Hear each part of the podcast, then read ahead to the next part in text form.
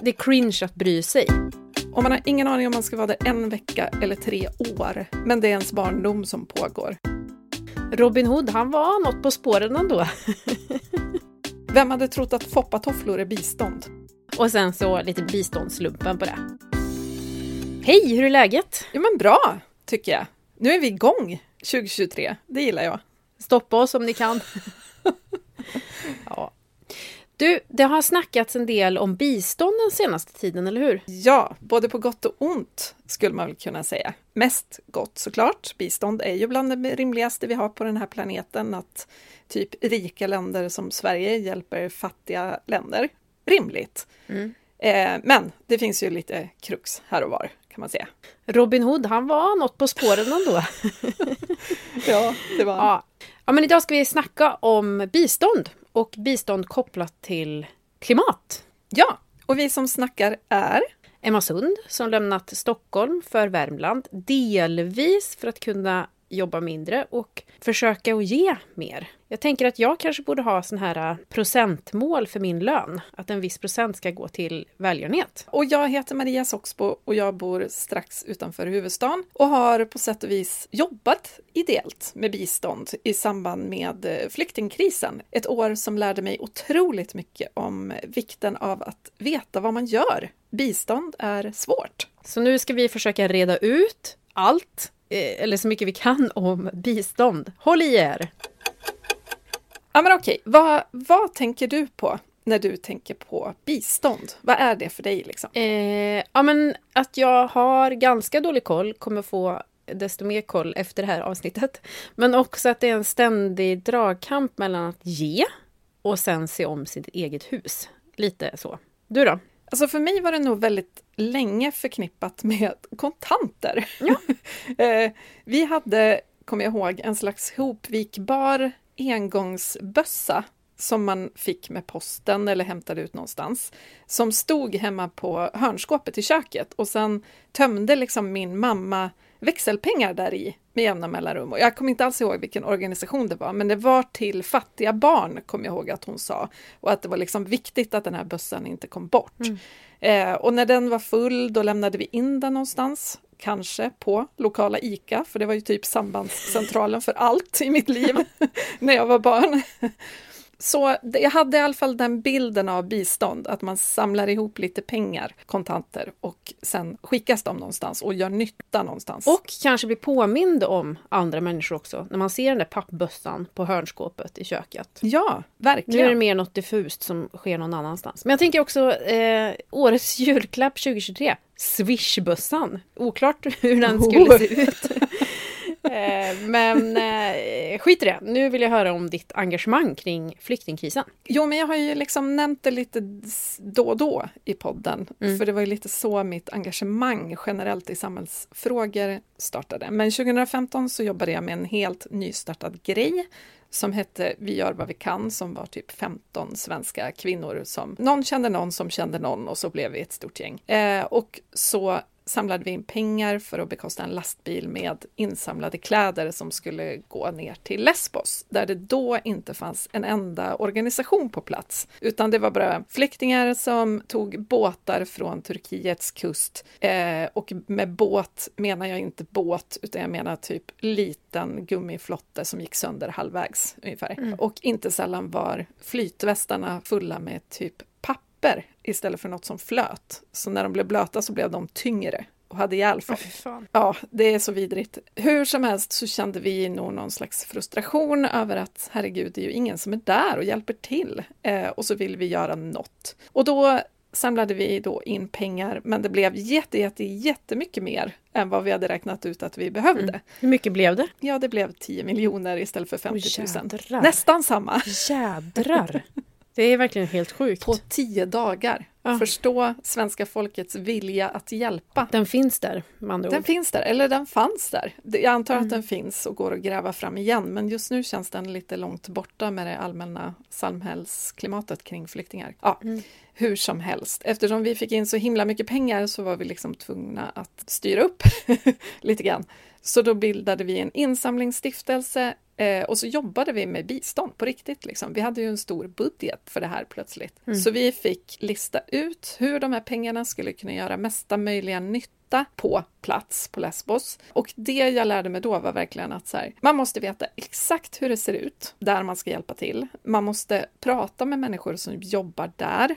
Inte bara försöka tänka vad folk behöver, utan verkligen lyssna på människor som vet vad som behövs. Och det gjorde att våra pengar gick till verkligen. Allt möjligt. Alltså dels jättelogiska saker. Vi bekostade en ambulans med sjukvårdspersonal och tolk. Vi köpte in en massa mat, alltså vettig mat, typ frukt och grönt och sånt som saknades i lägret. Och vi köpte hygienpaket, för det saknades tvål, alltså sådana basic grejer. Mm. Och det här förstår man väl kanske liksom att mat, hygien och sjukvård, det är basic needs. Det behöver man i en krissituation. Mm. Men sen dök det upp så många andra så här svårtippade behov som man aldrig hade kunnat räkna ut i förväg förhand en vattenkylare. Oj. För det var ju sommar i Grekland. Det var ju så 40 grader varmt. Det fanns inget kallt vatten i lägren. Mm. Så det köpte vi in ett gäng. Eh, en annan grej, 4000 par foppatofflor och flipflops. Oh, eh, för att om man flyr, då har man inte en stor packning, utan man har det man har på kroppen i princip. Eh, särskilt om man ska åka en liten ranglig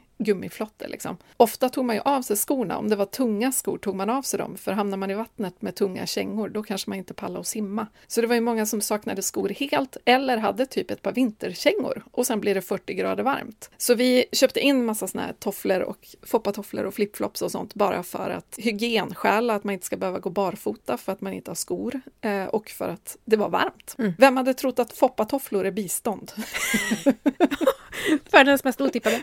Jag tänker också att det här är så viktigt för mig som inte har varit där eller som har liksom varit inne i, den här, i det här arbetet att förstå. För jag tror att vi är så himla bortkopplade från biståndet. Det är liksom, vi har ingen aning om var det hamnar men det gör förhoppningsvis en massa skillnad. Men det är väldigt bra att få höra det här tänker jag. Att vad det ja, är som behövs hur? och de här sakerna som man inte tänker på. Att man förstår ju rätt snabbt att det lär gå åt en jädra massa pengar. Ja. I de här runt omkring grejerna. Man hör ju ofta organisationer som pratar om matpaket och man förstår liksom att det här är basic needs. Men alla de här runt omkring grejerna som också behövs. Ja men verkligen. Typ lagerhyra för organisationer på plats som behövde bara någonstans att ha foppatofflorna. Ja.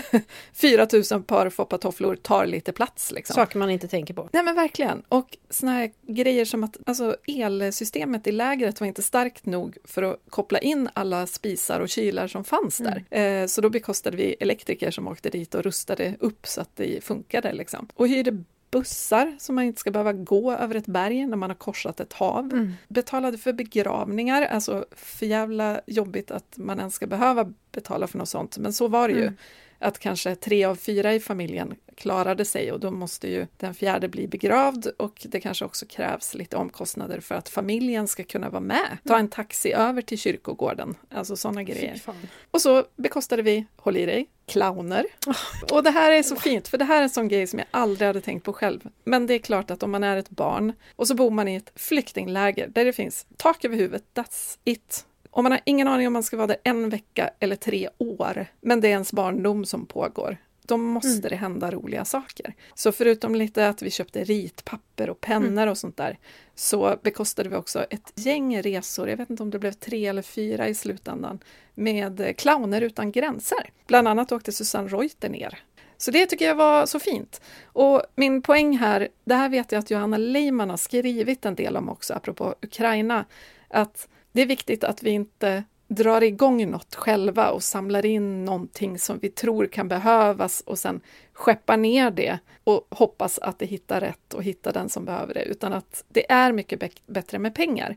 För pengar kan bli vad som helst. En insamlad mm. tröja kan bara bli en tröja. Eh, och därför är det ju så viktigt att vi skänker mm. eh, pengar till organisationer som jobbar med bistånd också. Mm. Ja, fy fan vilken jävla start på, den här podd, på det här poddavsnittet. Men, alltså, och jag tror också så här, ja, som sagt, jag vill med tyngd säga att man är så jäkla bortkopplad. Det här var ju inte särskilt länge sedan, men sen har vardagen puttrat på och man behöver bli påminn om det här. Allt som hände då och all tragedi och påminnas om att det här sker just Ja men nu. verkligen, det är ju inte över. Nej precis, och mycket på grund av klimatfrågan. Verkligen. Jag skulle säga att det här bara det här är ett skäl till att, att alla borde jobba ideellt på något vis. Mm. För att man lär sig saker. Man, plötsligt fattar man hur, vad en svårighet kan vara för eh, bistånd till exempel för att man får höra om att ja, men vi, vi har ingenstans att ha alla de här skorna så vi måste ju bara slänga dem. Mm. Varenda sån här liten detalj som måste finnas på plats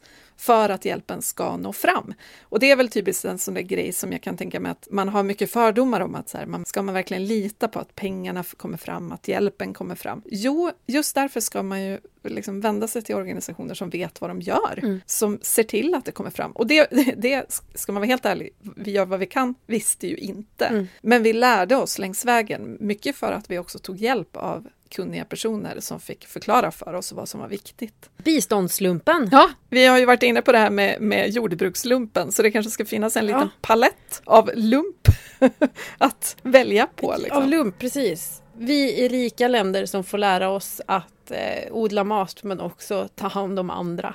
Eh, jag tror att det behövs i vårt samhälle. Ja, jag med. Jag tycker att det är ett jättebra tips just att försöka på något sätt under en tid i alla fall försöka att sätta sig in i vad det handlar om. Ja men verkligen, och det behöver ju såklart inte vara att resa ner och vara på plats och hamna mitt i krisens centrum, för det ska man ju också säga att det tär på en. Vi hade ju psykologer inkopplade för att hjälpa till med våra volontärer som kom hem igen, för att det är ju mm. traumatiskt liksom. Man kanske ser människor dö Eh, och det är inte för alla, men däremot så kan man ju garanterat någonting som kan komma till nytta. Man kanske är svinbra på organisering och kan hjälpa till att hålla koll och, och projektleda och styra upp, inte vet jag, kvitton. Eller så är mm. man bra på att skriva texter eller fota eller göra någonting. Man kanske är bra på sociala medier. Så jag tror mm. att om man listar sina styrkor och sen kontaktar man en biståndsorganisation och säger hej, har ni nytta av mig? Så kommer man säkert få napp. Ja, gör. Just do it.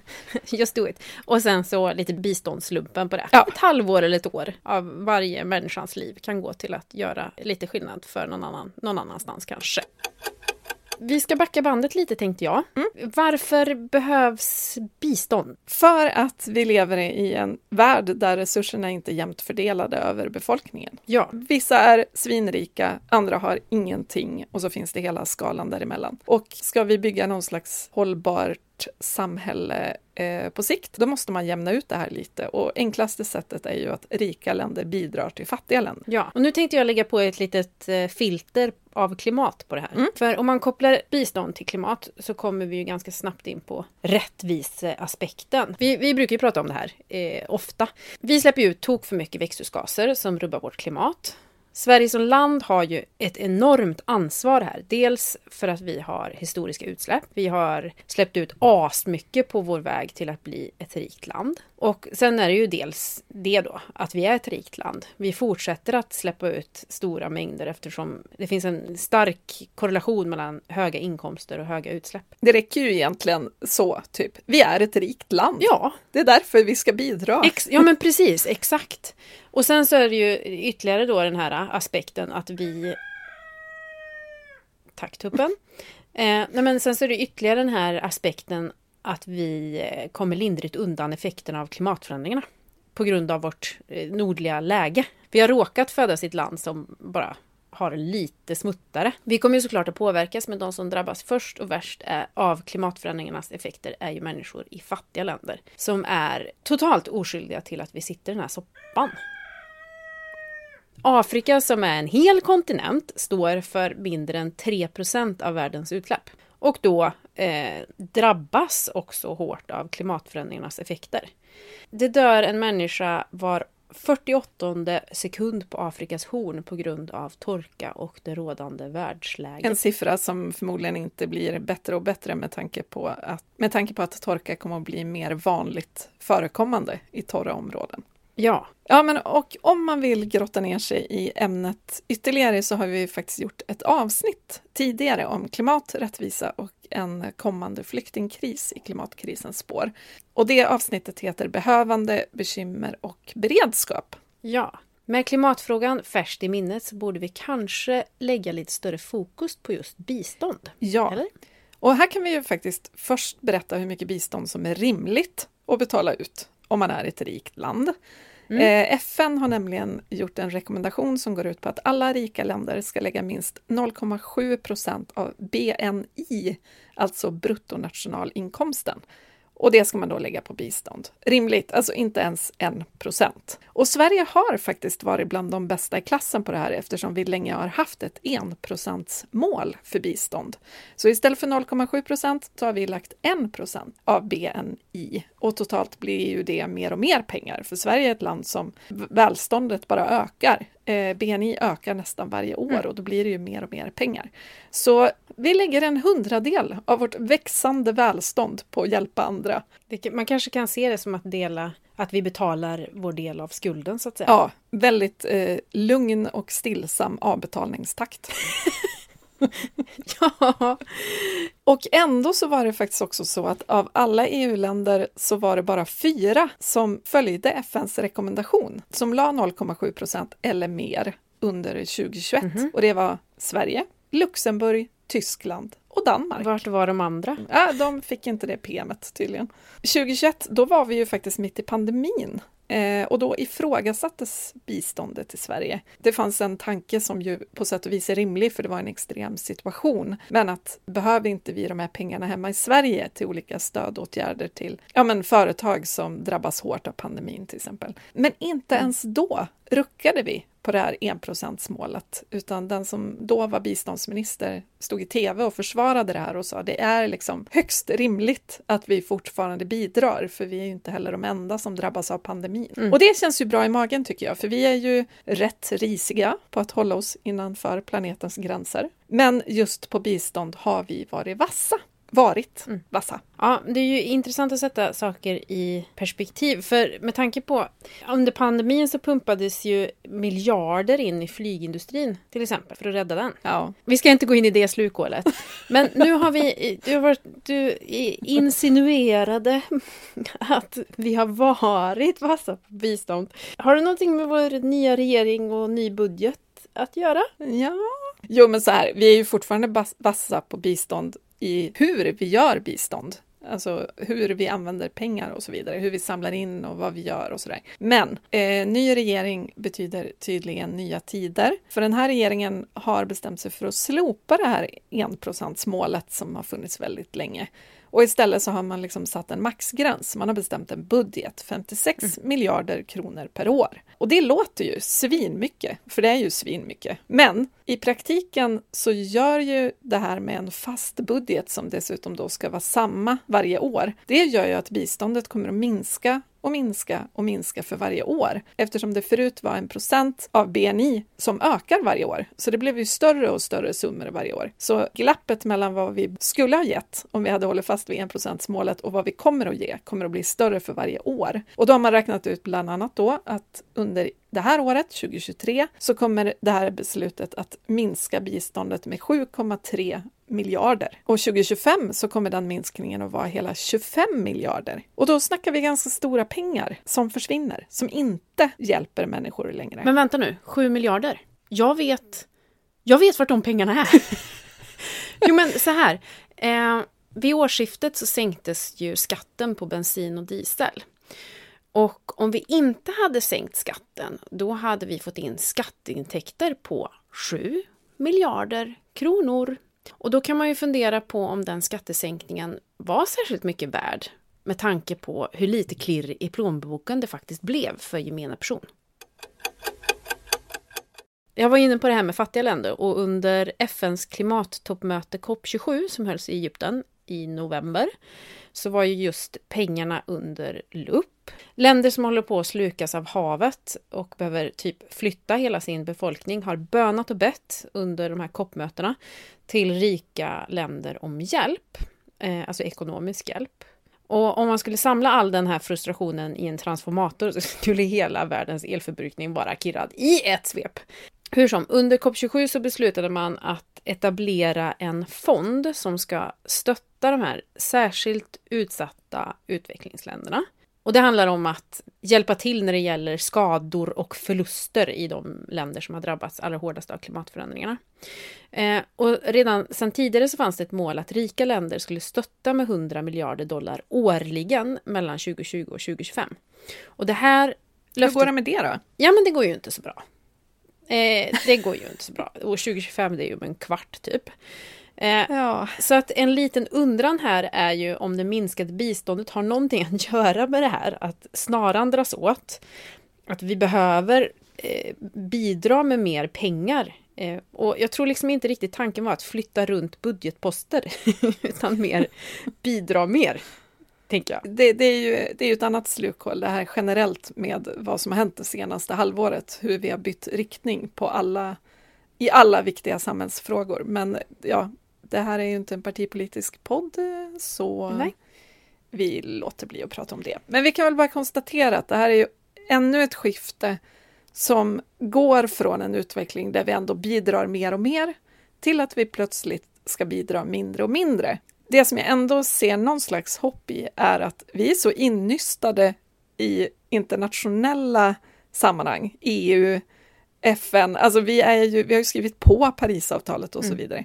Så om vi börjar så här, skena hej vilt åt ett annat håll så kommer andra länder att börja sätta press på oss. Ja. Och var inte tanken lite att vi som ett föregångsland skulle sätta press på andra länder? Precis. Rimligt. Jag tror det här bara kommer att bli ganska pinsamt och mycket bakläxa. Sveriges rykte internationellt är väl inte på topp just nu. Alltså, av, av flera olika anledningar det här, det här vore ju en god sak att göra, för vi behöver lite hjälp med, med PR-arbetet för det här landet, helt klart. Som, som liksom varumärkesstrateg över varumärket Sverige ja. så tror jag det vore en ganska bra grej att återgå till enprocentsmålet ja. till exempel. Ja, ja, det tror jag med. eh, och sen funkar det ju så här, vi har ju en biståndsmyndighet i Sverige som heter Sida de har ju alla hört talas om. Och de får ju då direktiv från regeringen i något som heter regleringsbrevet. Och så där liksom spaltar den nuvarande regeringen då upp ungefär hur man vill att Sida ska jobba. Om det är vissa områden som man ska prioritera, om vissa pengar ska öronmärkas och lite sådär. Eh, och i det regleringsbrevet då som Sida har fått av den nya regeringen så står det att Sida ska prioritera klimatsatsningar. Man ska prioritera minskade utsläpp och bättre klimatanpassningar. Hur låter det? Ja, det låter ju bra. Ja, det, det låter ju bra. I teorin så är det ju bra också, men det finns två problem med det här. Dels rimmar det ju inte riktigt att prioritera klimatet och samtidigt minska både klimatbudget och biståndsbudget, för de hänger ju väldigt Nej. tätt ihop. Mitt under brinnande klimatkris också, så det är inte som att det är paus i klimatkrisen just nu och därför kan man göra så. eh, men ännu värre är problemet, har jag läst på om, för det här är ju typisk sån grej som man måste fatta liksom, för att kunna uttala sig om. Och då säger proffsen, inte jag, utan proffsen på det här, att problemet med att gå in och styra vart pengarna ska gå genom att säga att det här ska vara liksom klimatpengar i biståndsbudgeten, på, eh, är att det inte alltid blir mest effektivt när man öronmärker pengar. Mm. För att precis som jag sa angående Lesbos och flyktingkrisen så måste man ju liksom lyssna på dem som vet vad som behövs. Mm. Det vill säga forskare, organisationerna själva som jobbar med det här varje dag och vad som är det mest akuta behovet för stunden. Och sen, sen är det ju så att alla, alla saker hänger ihop. Alltså, ja. Klimat är inte en isolerad fråga, den hänger ihop med allt. Verkligen, och bara en sån grej som att det inte finns en definition som heter klimatflykting. Mm. Det är liksom inte en, ett, ett erkänt koncept, klimatflyktingar, utan så man har till exempel inte rätt att mm. söka asyl för att man är klimatflykting. Ja, är utan då måste man fly för att det är svält eller krig och ofta beror ju svälten eller kriget på klimatförändringarna. Mm. Så det hänger ju ihop. Men då kan det ju bli problem om man öronmärker pengar för klimatet. Men människorna som flyr på grund av klimatförändringarna, de är ju inte klimatflyktingar, för det finns inget som heter det. Mm. Ja. Det låter lite så här planekonomi för mig. Alltså typ så här, som, som i Sovjetunionen, när man så här, ni ska, ni ska producera ett ton spik. Väldigt tydligt mål. Och istället så bara, okej, okay, vi gör jävligt stora spikar i så fall. Men just för att så här, man tänker att man är smart, men när man inte går in i detaljerna och beskriver tydligt att så här, ett ton spik, men obs, de ska vara så här Exakt. stora. Nej, men det, det... Så jag tänker att det här är ja, det, det, kan vara bra med detaljer. Det kan vara bra med detaljer och det kan vara bra att överlåta detaljerna till de som kan det här eh, framförallt. Ja. Och det är ju vissa andra saker står det i det här regleringsbrevet också, till exempel att Ukraina ska få mer pengar. Och det kan vi ju alla tycka är bra mm. förstås, för det är ju fruktansvärt det som sker där och så nära och det är klart att vi vill hjälpa till och ska hjälpa till. Men det som då mm. tyvärr händer eftersom den totala biståndsbudgeten blir mindre är ju att andra länder får avstå från pengar för att det istället ska gå till mm. Ukraina mm. och de här länderna behöver ju också hjälp. Och det gäller till exempel Bolivia, Myanmar, Guatemala, Palestina.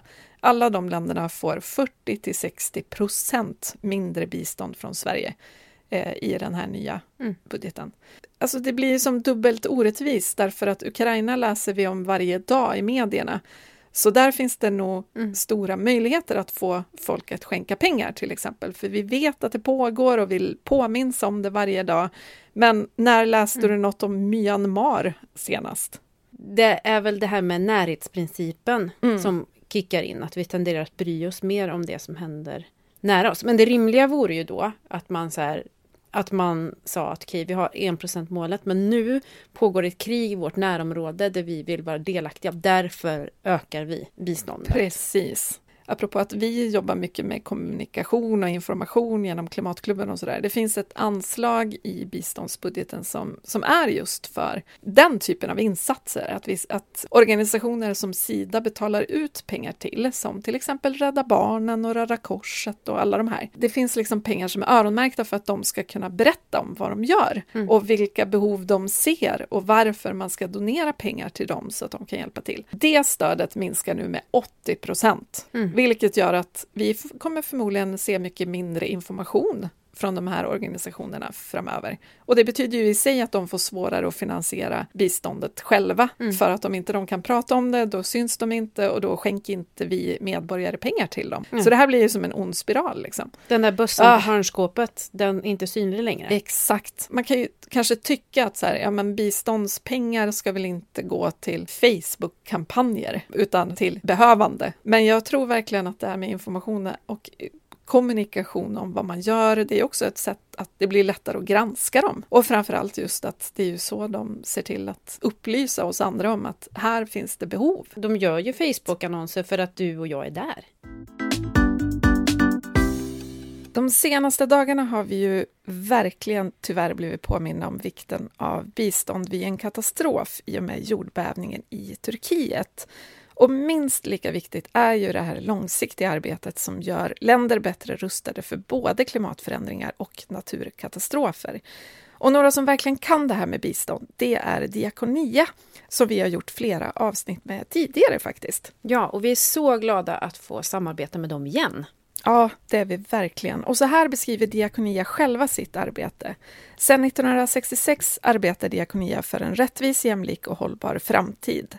Tillsammans med människor runt om i världen skapar vi smarta och hållbara lösningar på världens stora problem. Vi arbetar för en värld utan våld, förtryck och fattigdom. Alltså, hallå meningsfull arbetsplats känner jag. Mm. Verkligen. En typiskt bra grej som eh, Diakonia jobbar med är exempelvis att lära flickor i Bangladesh att cykla, för då kan de ta sig till skolan och på så vis få en vettigare framtid än att typ eh, bli bortgifta i ung ålder. Mm, det här är så genialiskt och typ ännu ett bevis på att cykeln är världens bästa uppfinning dessutom. Mm, verkligen. Jag har ringt upp Moa Häggblom på Diakonia för att höra lite mer om hur de jobbar med bistånd. Ska vi lyssna? Ja. Hej Moa! Hej! Du, kan inte du berätta lite om vart Sveriges bistånd går just nu? Jo, eh, alltså det som de allra flesta av oss när vi, när vi pratar om bistånd är det bistånd som Sida, alltså Sveriges biståndsmyndighet, hanterar. Och detta bistånd, eh, som då fördelas via Sida, går till organisationer och aktörer i lite mer än 30 länder och vi kanske kan börja med att säga att man brukar prata om två olika sorters bistånd för att börja i den änden. Det ena kallas för utvecklingssamarbete och det andra för humanitärt bistånd. Och utvecklingssamarbetet då, det är ett långsiktigt stöd till andra länders utveckling. Alltså det handlar om att skapa hållbara förbättringar i samhället. Eh, det är en, en viktig pusselbit för att kunna utrota fattigdom, stärka de mänskliga rättigheterna, men också för att öka jämställdhet, förebygga konflikter, bekämpa korruption och bygga demokratiska samhällen helt enkelt. Och vart detta utvecklingsstöd ska fördelas eh, beslutas av regeringen eftersom det är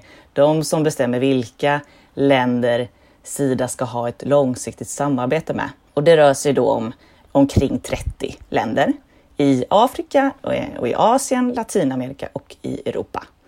Eh, så det kan vara, det är en rad länder som till exempel Kenya och Bangladesh, Colombia, eh, Palestina med flera. Detta stöd går då till organisationer och aktörer i dessa länder, alltså till olika program och projekt liksom, inom en rad olika områden. Och sen stödjer Sida också olika regionala och globala projekt och sen ges bistånd även via internationella organisationer. Så det sker främst via olika FN-organ som till exempel Unicef eller Världshälsoorganisationen WHO Sen har vi då också det humanitära biståndet. Det är den andra sortens bistånd som är ett akut stöd i nödsituationer och består av nödhjälp av olika slag. Det fokuserar mer på att rädda liv och lindra nöd i naturkatastrofer eller vid väpnade konflikter eller vid andra, andra typer av krissituationer. Och det fördelas dit det finns mest akuta behov helt enkelt. Finns det saker med dagens bistånd som inte funkar? Ja, alltså, om man lyssnar på politiker i Sverige idag så är det lätt att tro att svenskt bistånd är ganska kast, att det håller på att fallera. Men så är det ju inte riktigt. Eh, svenskt bistånd är, faktiskt världsledande. Eh, det hamnar återkommande, alltså år efter år, i topp i internationella jämförelser över bistånd. Men med det sagt så finns det givetvis saker som man kan och bör Eh, förbättra. Och ett problem är att givarländer, alltså länder som ger bistånd, använder bistånd för att gynna sina egna ekonomiska och politiska intressen.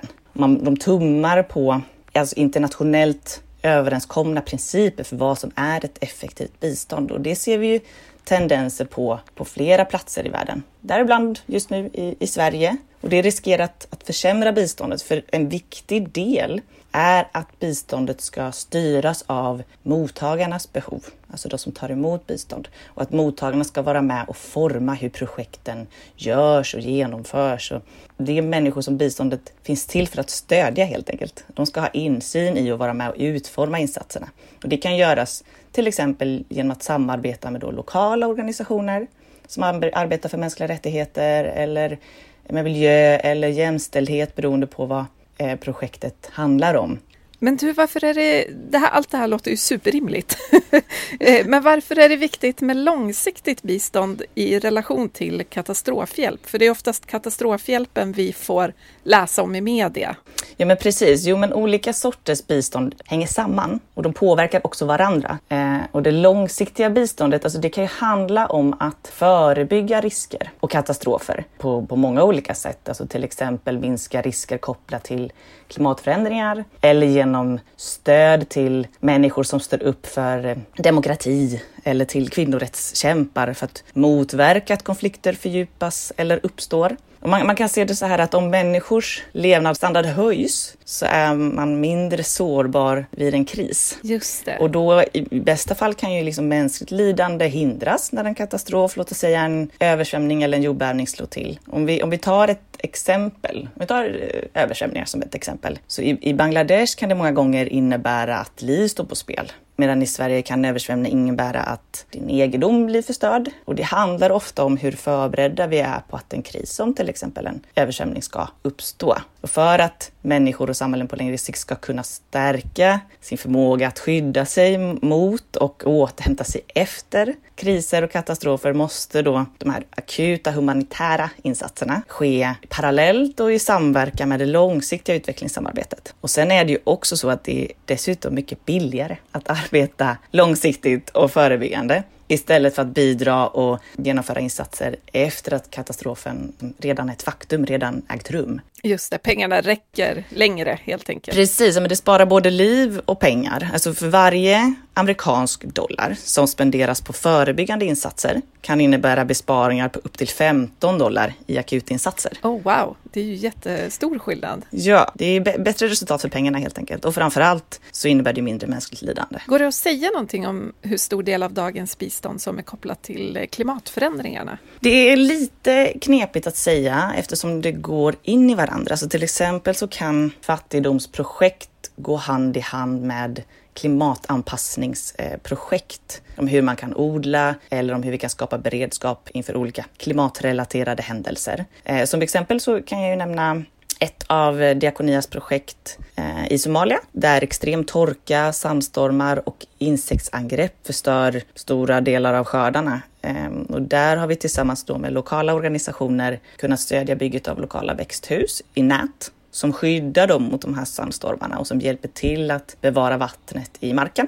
Så I kombination med, med droppbevattning eh, i de här växthusen så kan det vatten eh, som finns användas på ett effektivt sätt och deltagarna lär sig också om olika sätt att odla på, om rotbevattning, om naturgödsel, vilket gör det möjligt att odla grönsaker året om och odla på ett hållbart sätt. Och vi har också andra projekt där folk har lärt sig odla på flopp flottar, alltså de, de står på land, eh, men blir, blir det översvämning så flyter grödan så att säga ovanpå vattnet istället för att hamna under vattenytan och förstöras. Och det är ju sätt på hur man kan anpassa. Ja men verkligen, vad smart! Ja. Men du Moa, finns det några myter om bistånd som vi kan reda upp här och nu?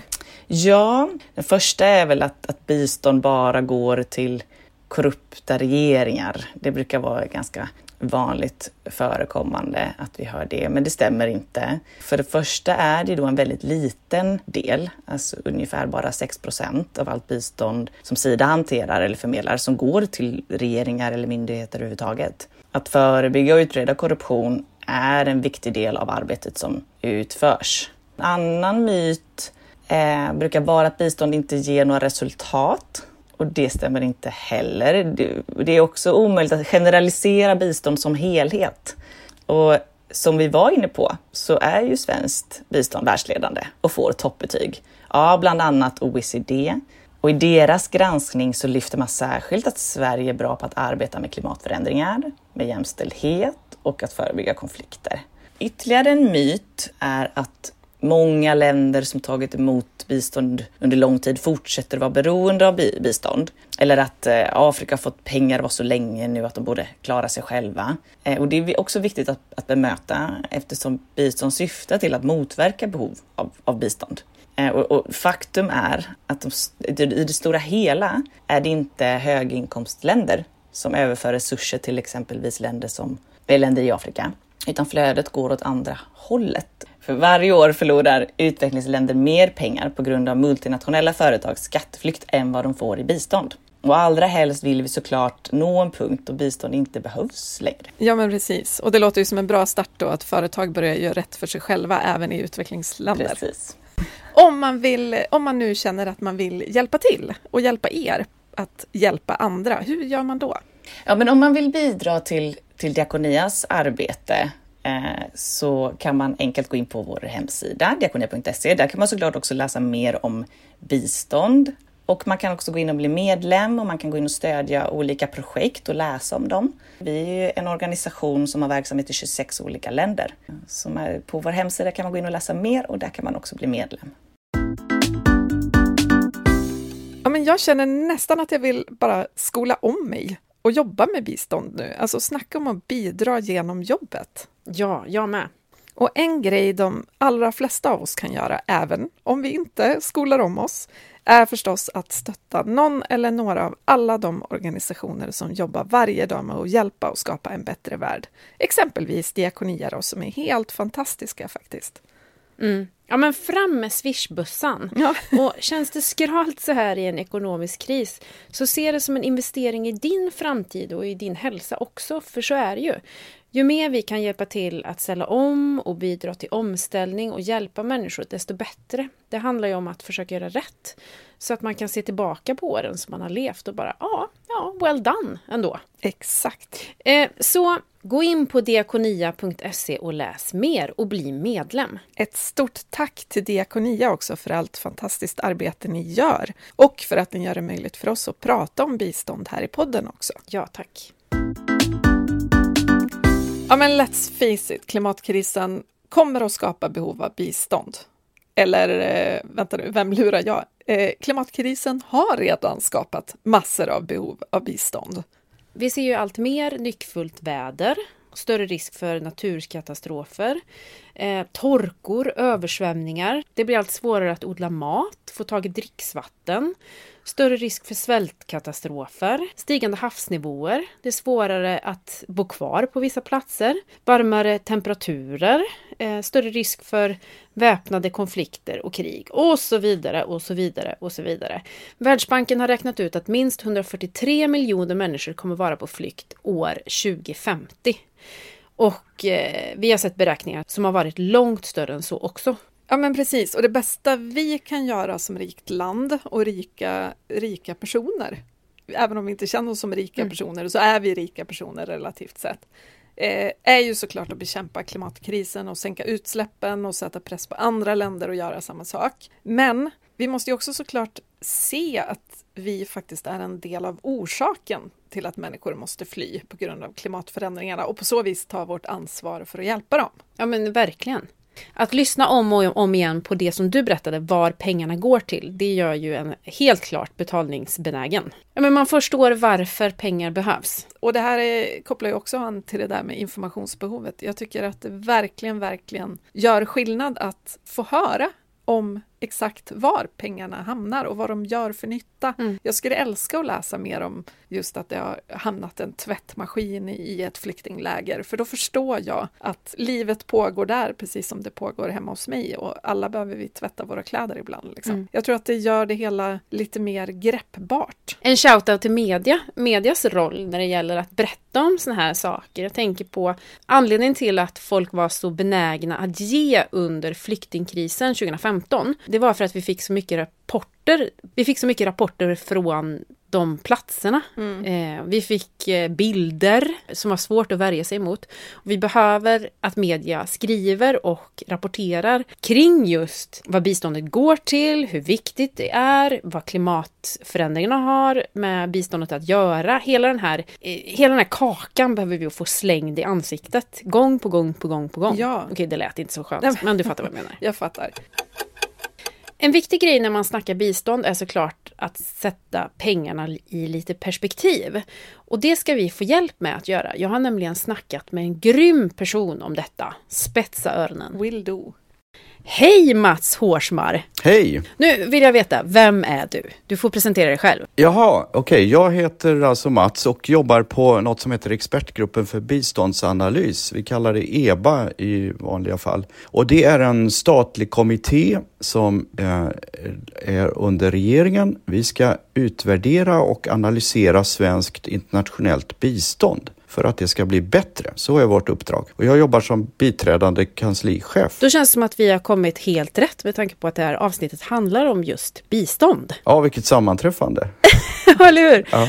Men du, det har ju snackats mycket om bistånd den senaste tiden. Varför? Ja, det finns ju flera skäl. Jag tror Ukraina-kriget eh, där kom igång och eh, då bestämde ju den regering som satt då att man skulle räkna av kostnader för flyktingar från Ukraina från biståndsramen. Eh, då blev det debatt om det. Eh, var det rätt användning av biståndspengar? Sen kom, fick vi en ny regering som eh, bestämde att vi inte längre ska ha enprocentsmålet. Eh, nu har regeringen bestämt att vi ska ha en fast summa istället. Sen har man också bestämt regeringen att innehållet i biståndet ska förändras. Man vill göra en reform. Det ska gå mer till Ukraina det ska vara mer kopplat till handelsfrågorna.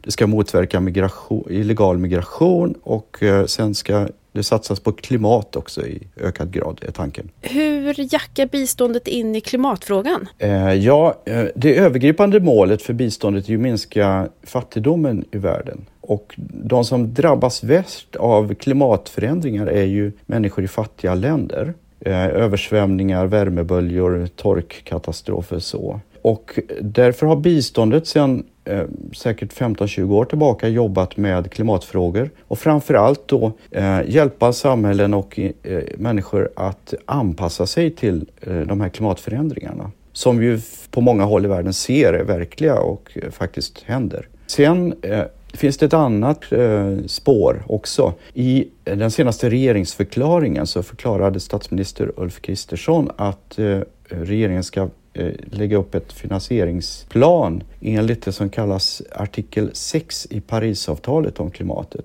Och vad står det då i den artikeln? Jo, det handlar om hur man kan räkna till godo minskningar av utsläpp som görs i andra länder utan att man dubbelräknar de här utsläppsminskningarna. Så då kommer förmodligen eh, biståndet att styras om till en del andra länder där det är mer motiverat att, att jobba med utsläppsminskningar. För att utsläppen i de fattigaste länderna är ju ganska små relativt sett. Så det kommer gå till att, att ställa om i andra det länder då?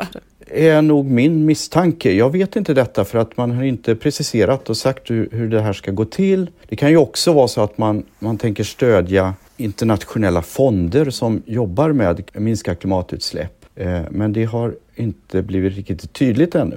Eh, men svenskt bistånd har ju redan tidigare jobbat med eh, förnybar energi ganska mycket. Det finns ett program som heter Power Africa till exempel som där man stöder framförallt solcellsutbyggnad i afrikanska länder. Och det där kommer väl att drivas vidare, tänker jag.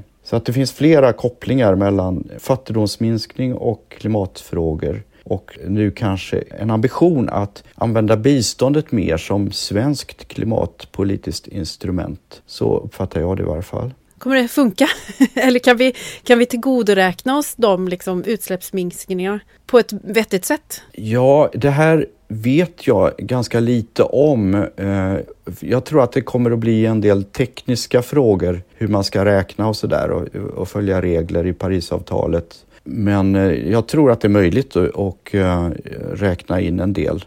Men det bygger ju naturligtvis på vad man kan hitta för insatser som kan göra sån nytta då. Det har ju snackats en del om biståndet och att man ska effektivisera och eh, utreda vart biståndet går. Men hur fungerar dagens bistånd och var går biståndet idag och vad finns det för förbättringspotential gällande just bistånd? Ja, alltså biståndet är ju en jättebred verksamhet eh, som handlar om hälsa, utbildning, det handlar om att stödja förändringar av, av staters sätt att fungera på olika sätt. Det kan handla om energifrågorna, klimatet, alltså jättemånga olika saker.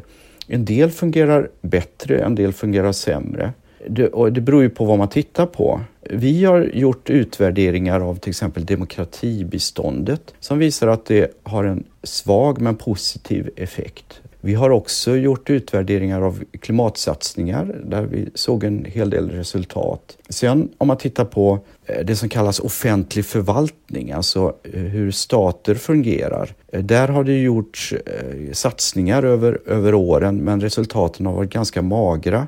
Samtidigt så är ju det en verksamhet alltså, som är, kanske är extra viktig för att få stater att fungera bra. Det är ju viktigt för massa andra områden. Men man ska också säga att det biståndet bidrar till, biståndet kan ju inte utveckla ett land på egen hand, men det bidrar till olika saker och det har skett enorma framsteg till exempel när det gäller hälsa och utbildning i fattiga länder. Så länge han levde så var Hans Rosling med i vår expertgrupp och han brukar ju säga, peka på hur mycket bättre det har blivit med hälsan i världen till exempel. Eller också utbildningen. Så att det finns ju stora områden där det har blivit bättre om man ser det över många år. Då. Så att det är en blandad bild och eh, såklart finns det eh, förbättringsmöjligheter. Finns det några exempel på till exempel klimatsatsningar som har varit framgångsrika? Eh, ja, eh, det gör det. Jag själv kom till en by i Västafrika som hade fått stöd för att hantera vattenresurser, alltså bygga en damm för att spara vatten under torrperioden. Och så kom jag dit för att eh, höra hur har det gått här då, frågade jag. Ja, skolresultaten har blivit mycket bättre. Vadå? Det handlar ju om klimatet här. Nej, det var ju så att eftersom man hade fått den här dammen så kunde man ju odla grönsaker runt den året om. Och då när barnen i byn fick mer att äta och stadigare frukost och sådär kunde de gå till skolan och kunde lära sig mycket mer. Så det var ju ett, ett exempel på att det kan gå bra, men det är ju ett litet liten skala då. Eh, det kan också handla om att eh, system för anpassningspolitik, alltså på den eh, liksom nationell nivå, att det har förbättrats och så. Så att man kan söka resultat på många olika nivåer och olika håll. Då. Så att det finns exempel. Samtidigt så finns det ju fortfarande jättestora utmaningar. Om man tittar på till exempel de senaste tidens eh, nya fyndigheter av olja och naturgas så finns de mesta i Afrika. Och för afrikanska länder är det väldigt lockande då att eh, använda de där resurserna för att kanske minska fattigdom. Men eh, det som borde ske är ju att, att de där resurserna skulle stanna i marken. Hur kan man övertyga länder om, om det? Mm. Och få, få länder att använda eh, förnybar energi istället. Då. Eh, det här är en rejäl utmaning. Men är dagens bistånd tillräckligt? Oj, stor fråga. Man, om man tittar på behoven så kan man absolut säga nej. Ett klart nej på den frågan. Vi har en flyktingsituation i världen där vi har nu 100 miljoner människor som är på flykt. Eh, och det hänger ju bland annat ihop med klimatkrisen men också antalet konflikter i världen och eh, man blir flykting under allt längre tid. Så i genomsnitt är man flykting 10 år. Och de flesta nu, 59 miljoner av de 100, är internflyktingar i sina egna länder. Och de finns sällan eller aldrig i sina flyktingläger utan de finns i städer eller på andra eh, platser och eh, är inte registrerade som flyktingar. Så att eh, utmaningen blir allt mer att liksom brygga över det här med, med katastrofbistånd och långsiktigt utvecklingsbistånd. Det blir allt mer samma sak och där finns ju enorma behov av resurser. Eh, pandemin har lett till att vi har eh, en avstannad eh, minskning av fattigdomen. Någonstans mellan 75 till 95 miljoner människor fler lever nu i extrem fattigdom på grund av pandemin. Alltså att vi har stängt ner våra samhällen. Mycket utbildningar har stängts och så vidare. Antalet människor som är hungriga, som är undernärda, ökar. Så att det är en ganska negativ bild vi ser i världen omkring oss. Och biståndet kan ju vara ett, ett redskap att eh, tackla den här typen av problem med. I det här exempel som du tog upp med oljan i Afrika. Hur, hur, kan biståndet hjälpa till för att man ska få eh, länder att inte utvinna fossila bränslen? Ja, hette det 10 000 kronors fråga förr i tiden? Nu är det väl en miljonfråga. Det här är, det här är svåra saker. Va? Ja. Eh, därför att det är ju en otroligt lockande då för ett land man kan se på Chad som är ett land eh, i centrala delarna av Afrika som hittade olja för sådär en 15-20 år sedan tror jag. Försökte bygga upp en utvinning. Landet har inte blivit rikare på det. Det har blivit eh, konflikter och problem kring detta. Alltså det är en sårbarhet kring eh, när man blir beroende av en enda intäktskälla. Men det, det sagt så, så är inte det särskilt övertygande argument för e-, ett land som vill tjäna pengar och bli rikt. Så snarare alltså att hjälpa till med andra typer av energikällor på hemmaplan och, eh, och se till att det blir, det blir lönsamt. Sen är det väl en, en global utmaning att bli fossilfria. Ett enda afrikanskt land är svårt att övertyga att man, man skulle liksom ensamt överge det. Ja, det blir kanske lite konstigt att peka, peka på någon annan när vi själva är, sitter i fossilsoppan. Ja, absolut. Alltså, det kan man fundera över Sveriges roll i det här. Ett viktigt bidrag vi kan göra som nation är väl att se till att själva ligga i framkant. Nu såg jag att Indien går snart om Kina i, i, befolkningsmängd och vi vet ju att den afrikanska kontinenten snart kommer att ha en väldigt stor befolkning. Och tänker vi oss framåt 2050 så, där, så kommer ju de att konsumera väldigt mycket. Och eh, om det då finns exempel och modeller för hur man kan leva mindre fossilberoende så är ju det jättevärdefullt. Och där kan ju Sverige bidra. Det tycker jag låter bra. Hur lätt är det att mäta effekterna av liksom de här typerna av bistånd kopplat till klimat? Som ger jättegoda effekter på andra eh, ställen i, i samhället. Ja, det är inte lätt. Det är ett klassiskt problem därför att man kan ju klassificera olika insatser olika. När man kommer ner på marken så hänger det ofta ihop. Det som är bra eh, jordbruksinsats kan samtidigt vara en bra klimatinsats, alltså anpassning till klimatförändringar. Så det vi kan ta med oss är att allt hänger ihop? Det gör det. Samtidigt som jag sa att det är bra att specialisera sig för att vara effektiv i det man gör. Så att eh, den där, man får nog ta med sig båda de tankarna tror jag. Det är en intressant och eh, komplicerad och väldigt spännande verksamhet det här med bistånd. Och eh, man kan också tillägga att eh, det finns ju ofta ibland sådana här stora förväntningar på biståndet. Vi hade en eh, utvärdering av biståndet till Uganda. Noterade att ja, ungefär 300 miljoner kronor per år går till Uganda. Det är ungefär vad det kostar att bygga en vägbro i Sverige. Ska man då tro att biståndet kan åstadkomma stora samhällsförändringar med de resurserna? Det lät ju väldigt mycket pengar innan man hörde exemplet med vägbron där. Ja, det, precis. Så att det är lätt att förlora sig i de stora siffrorna. Men eh, vi har stora siffror på annat håll också. Men du, tack för att jag fick prata med dig och lära mig lite mer om bistånd. Ja, tack. Kul att få vara med.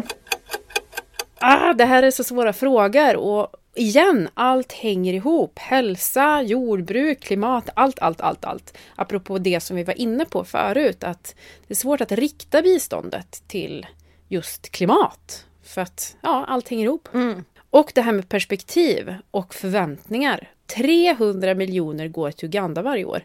Och det är vad det kostar att bygga en vägbro i Sverige. Mm, men alltså, alltså jag bara känner, färre vägbroar, mer bistånd, jag vill ge mer. Åh herregud vilken jämförelse. Ja, ja, ja tack. Eh, låt oss ge pengar till Uganda istället för att bygga fler vägbroar. Herregud! Ja, ja men vad ser vi för lösningar då? Har du några på lager? Ja, men jag tänker, nu går vi in eh, på att lösa världsfreden, fattigdomen och klimatkrisen. Och jag tänker att du kanske vill börja i ett svep. Nej, men jag tycker okay. att, att eh, biståndslumpen, ja. det kanske är en utopi, men det, alltså, det, ja, det är en utopi. Men alltså, när man börjar tänka på det, alltså rimlig grej. Ja, alltså det är väl ändå rimligare att unga människor får lära sig att hjälpa andra människor istället för att döda andra människor. Hantera ett vapen ja, bara en tanke jag hade. Ja, eh, ja jag håller helt med. Eh, och jag tror generellt också att det vore ganska nyttig lärdom att ha med sig ute i vuxenlivet. Alltså att ha perspektiv mm. på saker. Eh, och förstå hur lyckligt lottade vi är i olika sammanhang. Att vi kan lägga 300 miljoner på att bygga en vägbro, till mm. exempel. Ja, men precis.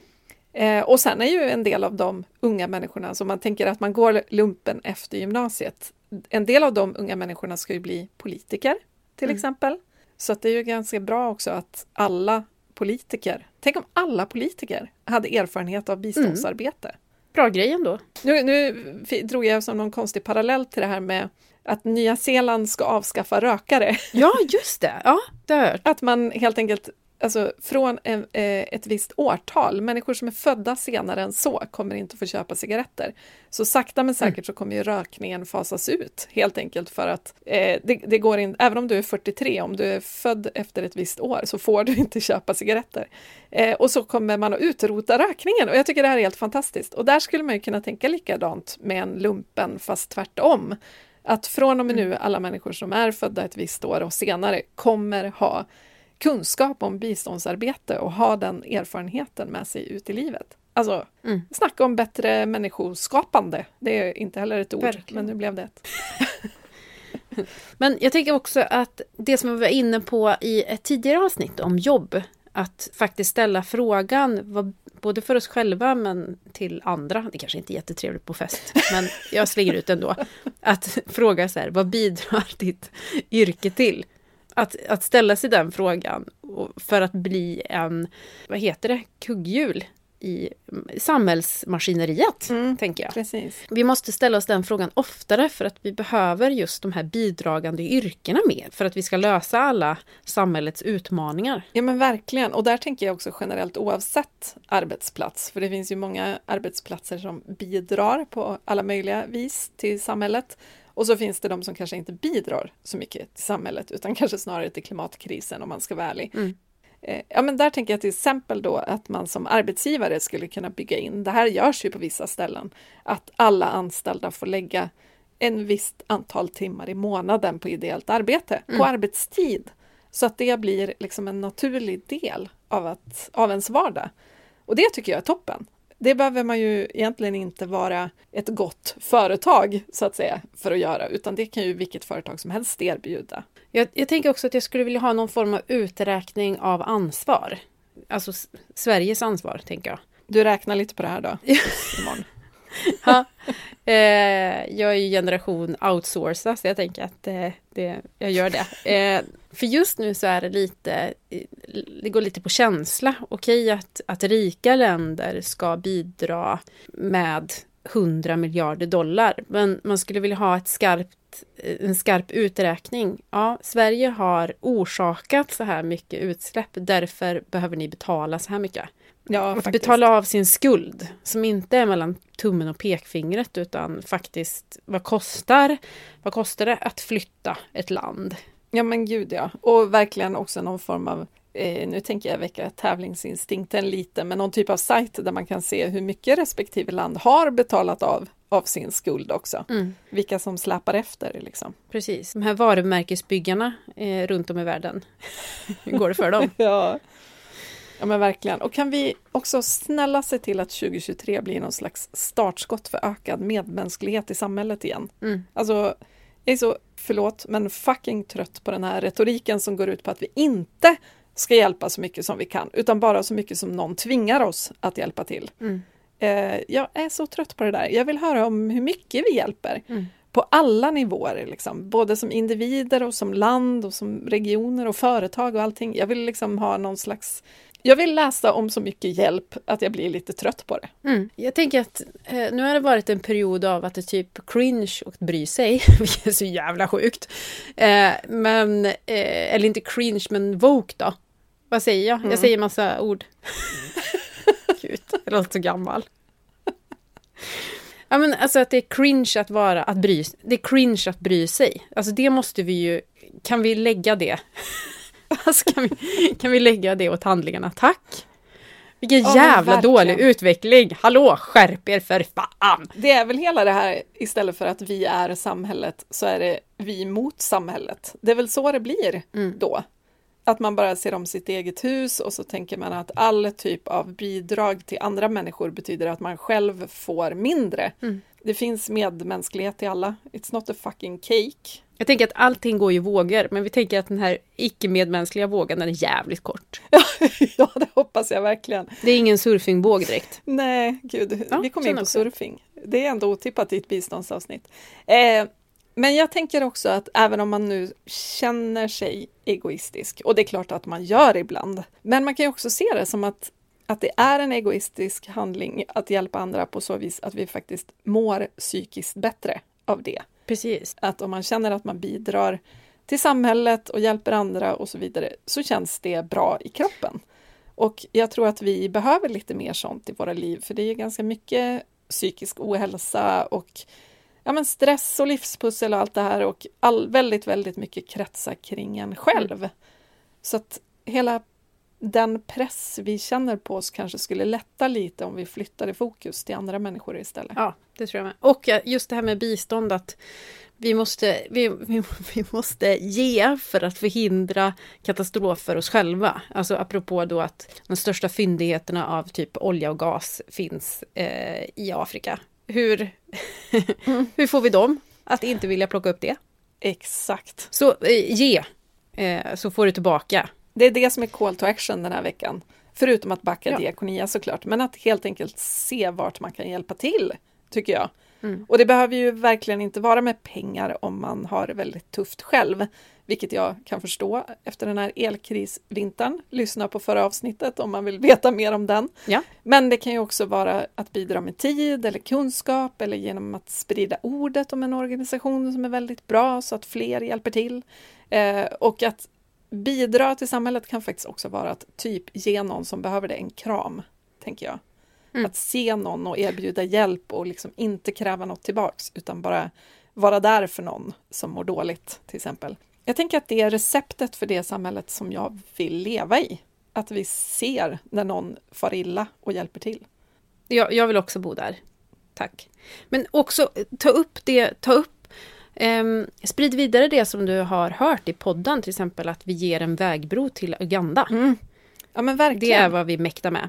Eller något annat som du tar med dig från det här eh, avsnittet. Tipsa andra om podden och om bistånd och om diakonia. Verkligen. Och tack snälla ni för att ni lyssnar och skickar peppiga DMs och ja, men delar att ni lyssnar på podden och så vidare. Vi är så glada för det. Och så hörs vi snart igen. Det gör vi. Ha det bra. Ja, hej! Hej!